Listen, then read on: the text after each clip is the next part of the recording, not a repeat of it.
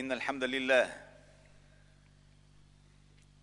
نحمده ونستعينه ونستهديه ونستغفره.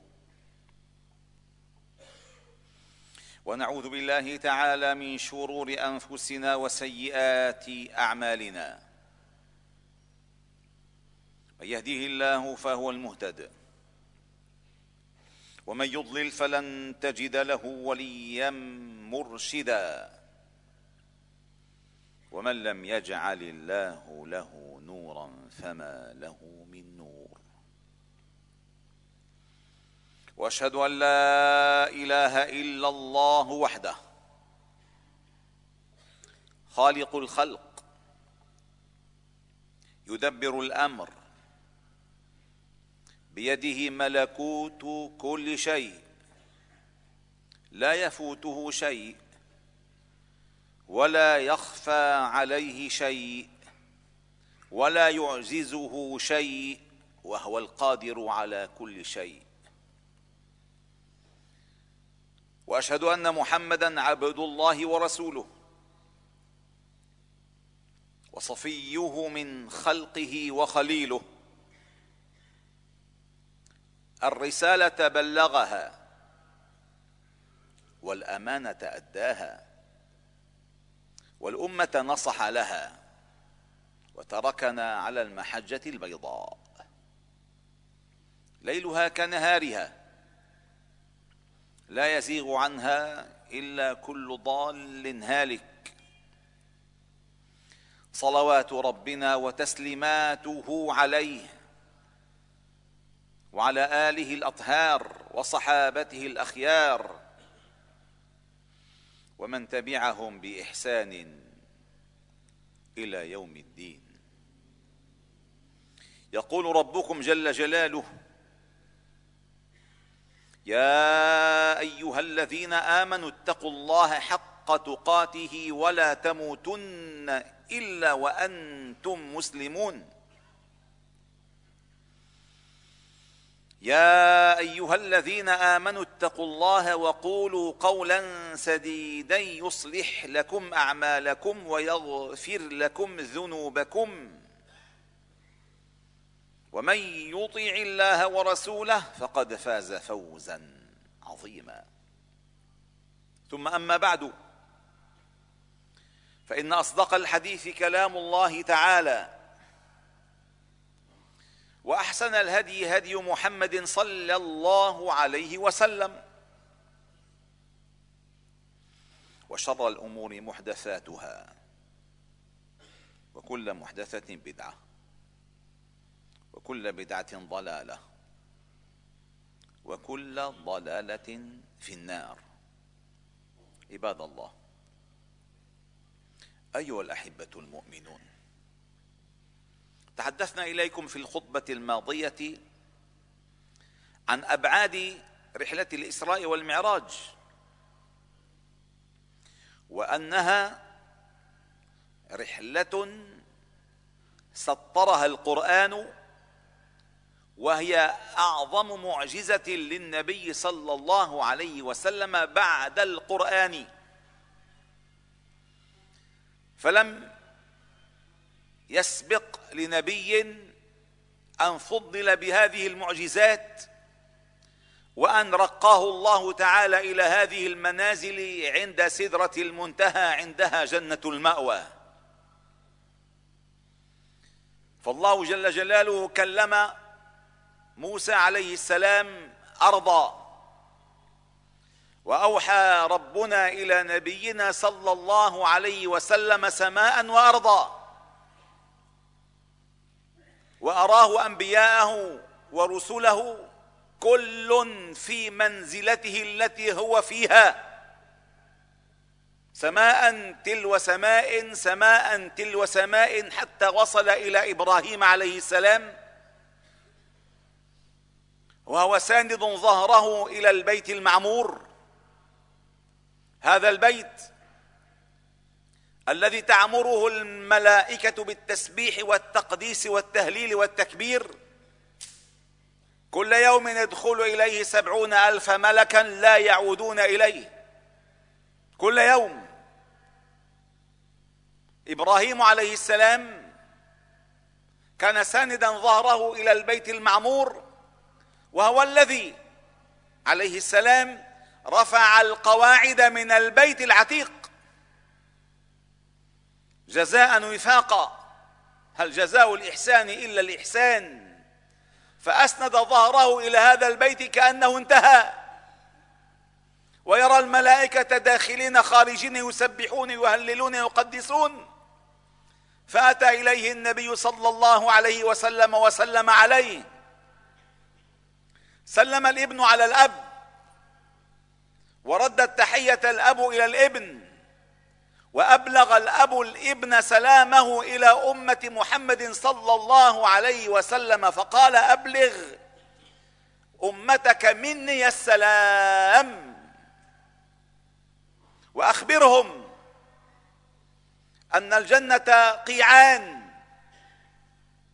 وأنها طيبة التربة عذبة الماء وأن غراسها سبحان الله والحمد لله ولا إله إلا الله والله أكبر. أي شرف بعد هذا الشرف أن يبلغ خليل الرحمن حبيب الرحمن أمة الإسلام هذا السلام. أي شرف بعد هذا الشرف؟ وتحدثنا كذلك على أن هذا القرآن هو الكتاب المهيمن على كل الكتب السماوية وأن الدين عند الله الإسلام إن هذا القرآن يهدي للتي هي أقوم. وأن ضلال بني إسرائيل وإضلالهم هو الذي اقتضى أن يستبدلوا بغيرهم بلوح الله تعالى المحفوظ. فكانت هذه الأمة خير أمة أخرجت للناس. وكان كتابها هو الذي يهدي للتي هي أقوم ويبشر المؤمنين. وقلت لكم أنه في الخطبة الآتية يعني اليوم سأحدثكم عن بعض الآيات التي رآها النبي صلى الله عليه وسلم وكنا تحدثنا مررنا سريعا على أول إيه رآها عندما صعد إلى السماء الدنيا واشتم رائحة ذكية فكانت رائحة أو فكانت رائحة ماشطة بنت فرعون وأولادها واستذكرنا من خلال ما تعطرت السماء برائحتهم الذكية أحداث غزة وأحداث فلسطين وأحداث الشام وأحداث العراق. وأن الله تعالى ناصر دينه ومتم كلماته ولو كره الكافرون. فنحن أيها الأحباب الكرام نحن مخلوقات كائنات للآخرة ولكن ميدان عملنا في الدنيا فمطلبنا الأساس الآخرة لأننا نحن منها كنا. كنا مع آدم عليه السلام في صلبه أنزله الله تعالى إلى الأرض ونعود إلى حيث كان فمن اتبع هداي فلا يضل ولا يشقى. اذا أيها الأحباب الكرام من الآيات التي رآها صلى الله عليه وسلم أنه رأى الدنيا بصورة امرأة عجوز. وآن للأمة أن تفهم حقيقة الدنيا. فالنبي صلى الله عليه وسلم رآها عجوزا. رآها مترهلة رآها على حافة قبرها فحري وحقيق بهذه الأمة أن تطلب الآخرة الفتية لا أن تطلب هذه الدنيا الدنية. وراء إبليس عليه لعائن الله رآه منتحيا على جانب الطريق. لأنه من يستطيع أن يصل إلى أصل الأمة؟ والله تعالى يقول إن عبادي ليس لك عليهم سلطان وكفى بربك وكيلا. إلا أن تذهب أنت إليه بقدميك وأن تفتح أنت له أذنيك وأن تطلق أنت له يديك. أما هو ليس له عليك سلطان. ابدا. يكفيك أنك ما ان تلج عالم الوحي ولن يسمح لك دخول عالم الوحي إلا بالتعوذ من بالله تعالى من الشيطان الرجيم. فإذا قرأت القرآن فاستعذ بالله من الشيطان الرجيم. إنه ليس له سلطان. على الذين آمنوا وعلى ربهم يتوكلون. إنما سلطانه على الذين يتولونه والذين هم به مشركون. فأن له أن يصل إليك وأنت معتصم بحبل الله وأن لجنوده أن يصلوا إليك وأنت معتصم بحبل الله وأن لمكايد أعداء الله أن تؤثر فيك وأنت معتصم بحبل الله. فاستعذ بالله. إلجأ إلى الله. خذ الله كفيلا وكيلا ناصرا معينا.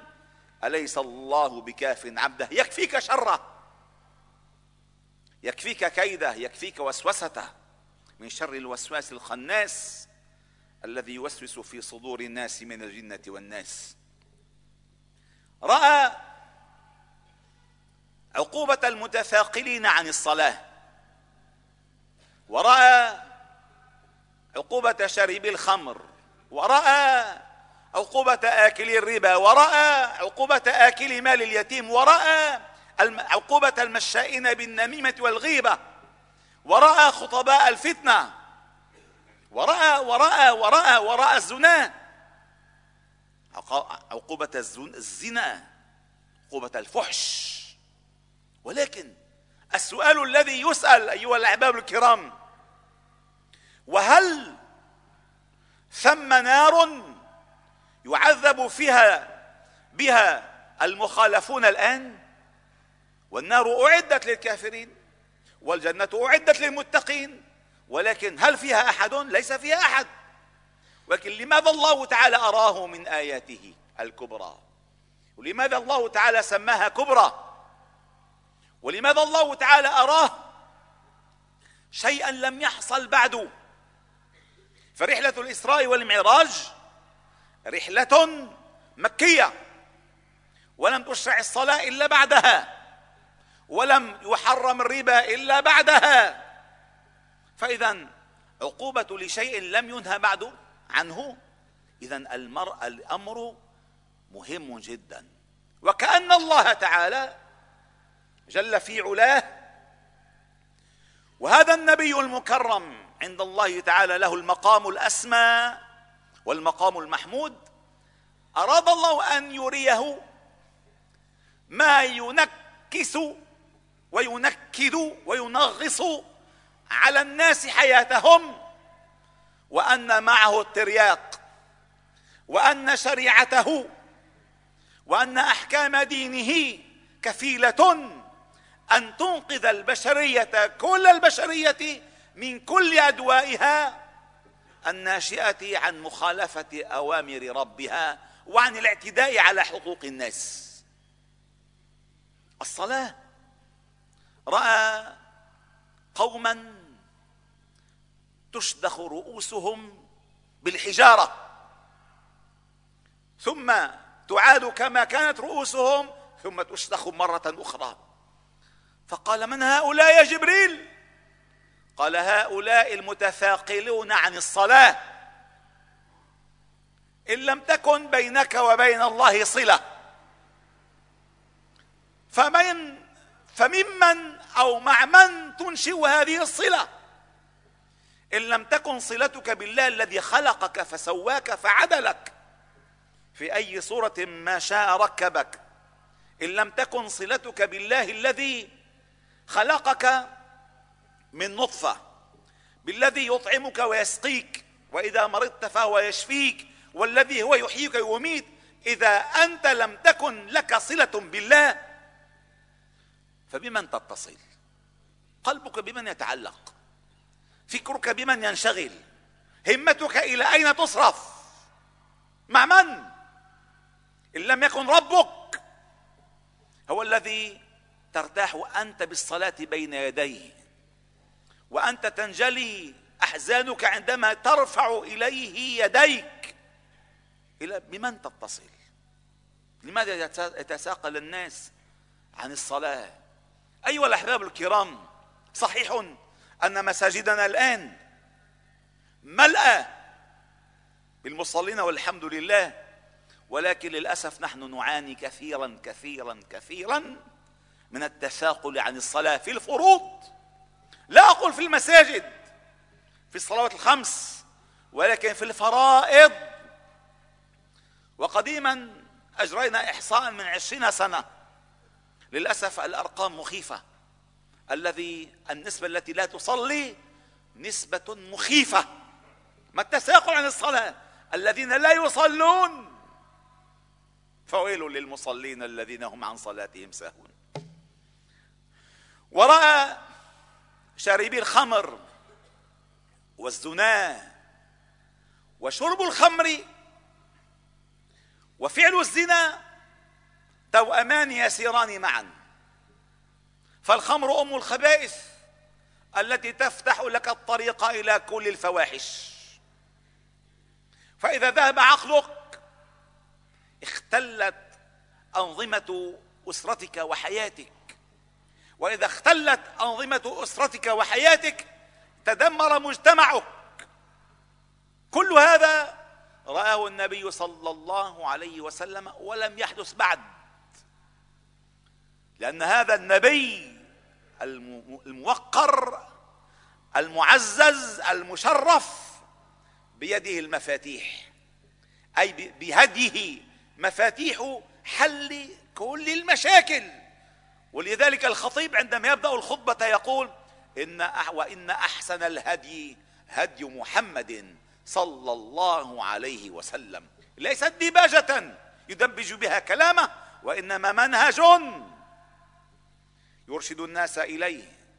الهدي وأحسن الهدي ما كان عليه النبي صلى الله عليه وسلم في معالجة كل أوامر الدين والدنيا وإلا فليحذر الذين يخالفون عن أمره أن تصيبهم فتنة أو يصيبهم عذاب أليم. رأى الذين عاقبة الزنا أنهم يأكلون لحما نتنا ويتركون اللحم الطيب. أيها الأحباب الكرام إن من بين يدي الساعة أن يكثر الزنا ويظهر الفحش والتفحش وأكل الربا وأن تشرب الخمر وتسمى بغير اسمها. كل هذا واقع. رآه النبي صلى الله عليه وسلم في استضافته في الملأ الأعلى. ورأى كذلك أيها الأحباب الكرام خطباء الفتنة الذين يفرقون بين الناس الذين ينشرون بين الناس الشبه ويبعدون الناس عن دين الله. ويميلون هكذا وهكذا. إما بعصبيات وإما بجهالات وإما بدولارات. ويزرعون بين الناس الفتنة بدل أن يجمعوا الناس على الدين. ويجمعوا الناس على الهدف الواحد. وراى كذلك سدرة المنتهى حيث يتعلق الإنسان بها. هنا ينتهي علم الخلائق. وصل نبينا محمد صلى الله عليه وسلم إلى المنتهى حيث ينتهى علم كل شيء عندها عندها جنة المأوى. فنبيك صلى الله عليه وسلم ليس رائد فضاء. هلا إذا واحد طلع مشوار برا بيحتفلوا فيه. نبينا محمد صلى الله عليه وسلم رائد الملكوت. حيث رفعه الله تعالى إلى الأعلى الأعلى الأعلى. وأوحى إلى ربه ما أوحى. وأراه من آيات ربه الكبرى. هذا من تنتسب إليه. وهذا للأسف من تفرط العلاقة به بهديه وسنته وشرعه ودينه. هذا نبينا محمد صلى الله عليه وسلم. ورأى كذلك عند عودته رأى شيئا عجيبا. كما ذكر الإمام أحمد في مسنده. قال بينما كنا في رحلة الإسراء إذ وصلنا إلى سماء الدنيا نزولا فرأيت وهجا وسمعت أصواتا ورأيت نارا ودخانا. فقلت ما هذا يا جبريل؟ ما هذا يا جبريل؟ في الطلعة شمينا ريحة حلوة. ريحة مشط بنت فرعون وأبنائها الخمس. ريحة زكية. بالنزلة قربنا من العودة إلى الأرض إلى الأسفل إلى الدنيا إلى التراب. رأينا هذه الصور. دخان أصوات وهج. فقال ما هذا يا جبريل؟ قال هذه الشياطين يحومون على أعين بني آدم الا يتفكروا في ملكوت السماوات ولو تفكروا لرأوا العجب أو العجائب. يعني هناك صرف لأن الله تعالى أراه الملكوت وسيقص علينا ما رأى. والقرآن قص لنا من ملكوت السماوات والأرض العجب العجاب أولم ينظروا في ملكوت السماوات والأرض؟ وما خلق الله من شيء وأن عسى أن يكون قد اقترب أجلهم. فبأي حديث بعده يؤمنون؟ من يضلل الله فلا هادي له ويذرهم في طغيانهم يعمهون. يسألونك عن الساعة أيان مرساها. كل هذه الآيات سياقها منتظم. ومتسق ومقصود لذاته.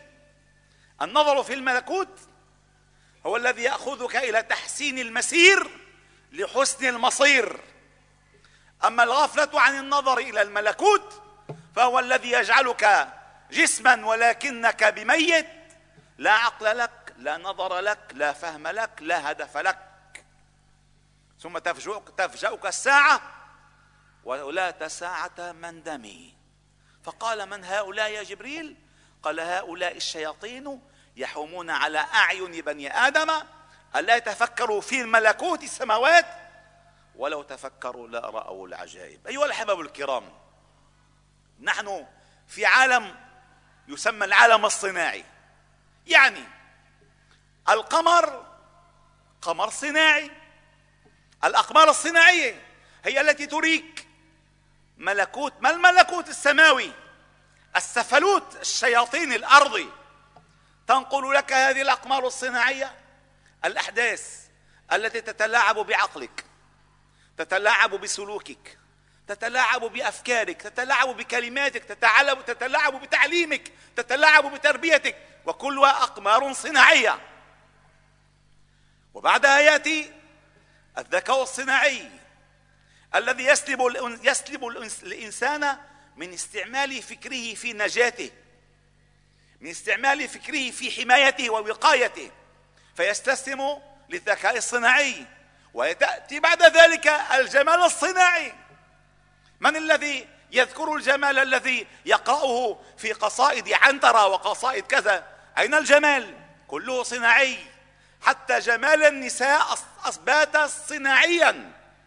فالذكاء صناعي والأقمار صناعية والجمال صناعي والقصد من ذلك إفساد الفطرة التي أول من طلق النبي صلى الله عليه وسلم في رحلته شرب من اللبن أي من الحليب فقال اخترت الفطرة وإفساد بني إبليس للبشرية إفساد الفطرة فلنعد إلى فطرتنا ولتكن هذه المناسبة موقفا وموقعا أساس في استعادة ذكائنا في في استعادة وعينا في استعادة تثبيتنا على منهج النبي صلى الله عليه وسلم وإلا كل صناع بصناعي لا يبقى.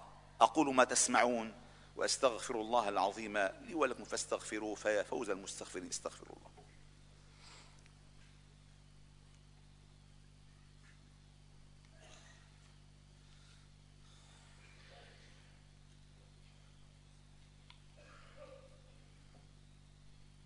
الحمد لله وكفى وسلام على عباده الذين اصطفى. وأشهد أن لا إله إلا الله وحده نصر عبده وصدق وعده وأعز جنده وهزم الأحزاب وحده. لا شيء قبله ولا شيء بعده. ولا نعبد إلا إياه. مخلصين له الدين ولو كره الكافرون.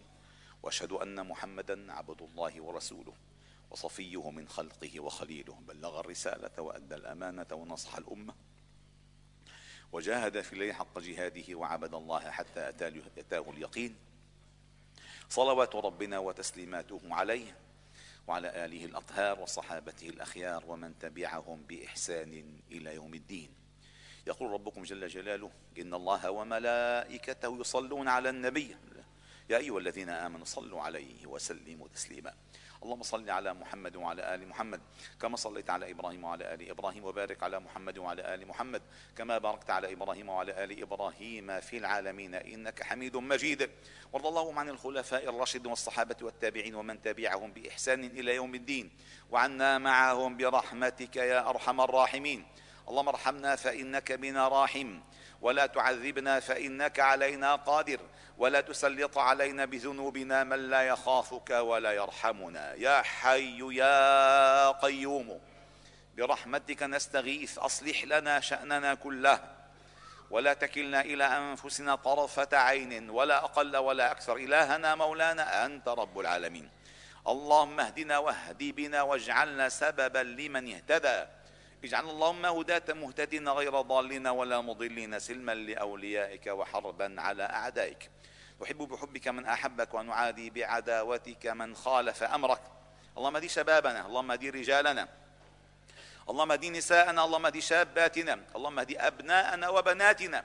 اللهم دي إخواننا وأخواتنا. اللهم دي أمهاتنا وآباءنا. ربنا ارحمهما كما ربيانا صغارا.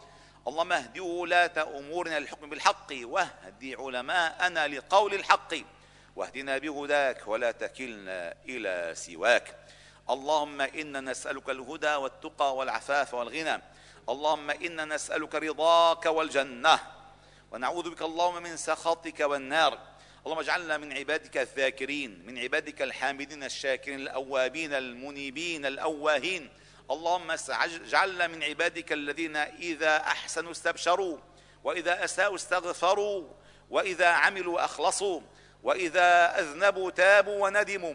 اللهم يا رب العالمين يا مفتح الأبواب ويا مسبب الأسباب ويا سامع الأصوات ويا مجيب الدعوات ويا قاضي الحاجات يا فارج الهم يا مزيل الغم يا مجيب دعوة المضطرين يا رحمن الدنيا والآخرة ورحمهما. ارحمنا وأهلنا في فلسطين وغزة خصوصا رحمة من عندك. تغنينا وتغنيهم بها عن رحمة من سواك. اللهم إنا نسألك مددك. اللهم إنا نسألك فرجك. اللهم إنا نسألك لطفك.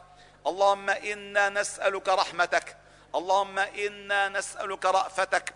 اللهم إنا نسألك فرجك يا رب العالمين.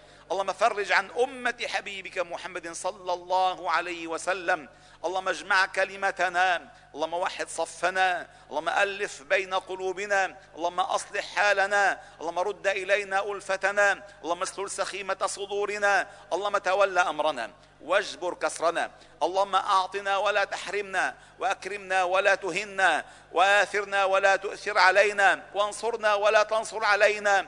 اللهم استر عوراتنا اللهم آمن روعاتنا اللهم احفظنا من بين أيدينا ومن خلفنا وعن أيماننا وعن شمائلنا ومن فوقنا. ونعوذ بعظمتك أن نغتال من تحتنا. اللهم بلغنا رمضان اللهم بلغنا رمضان اللهم بلغنا رمضان. وأعنا فيه على الصيام والقيام.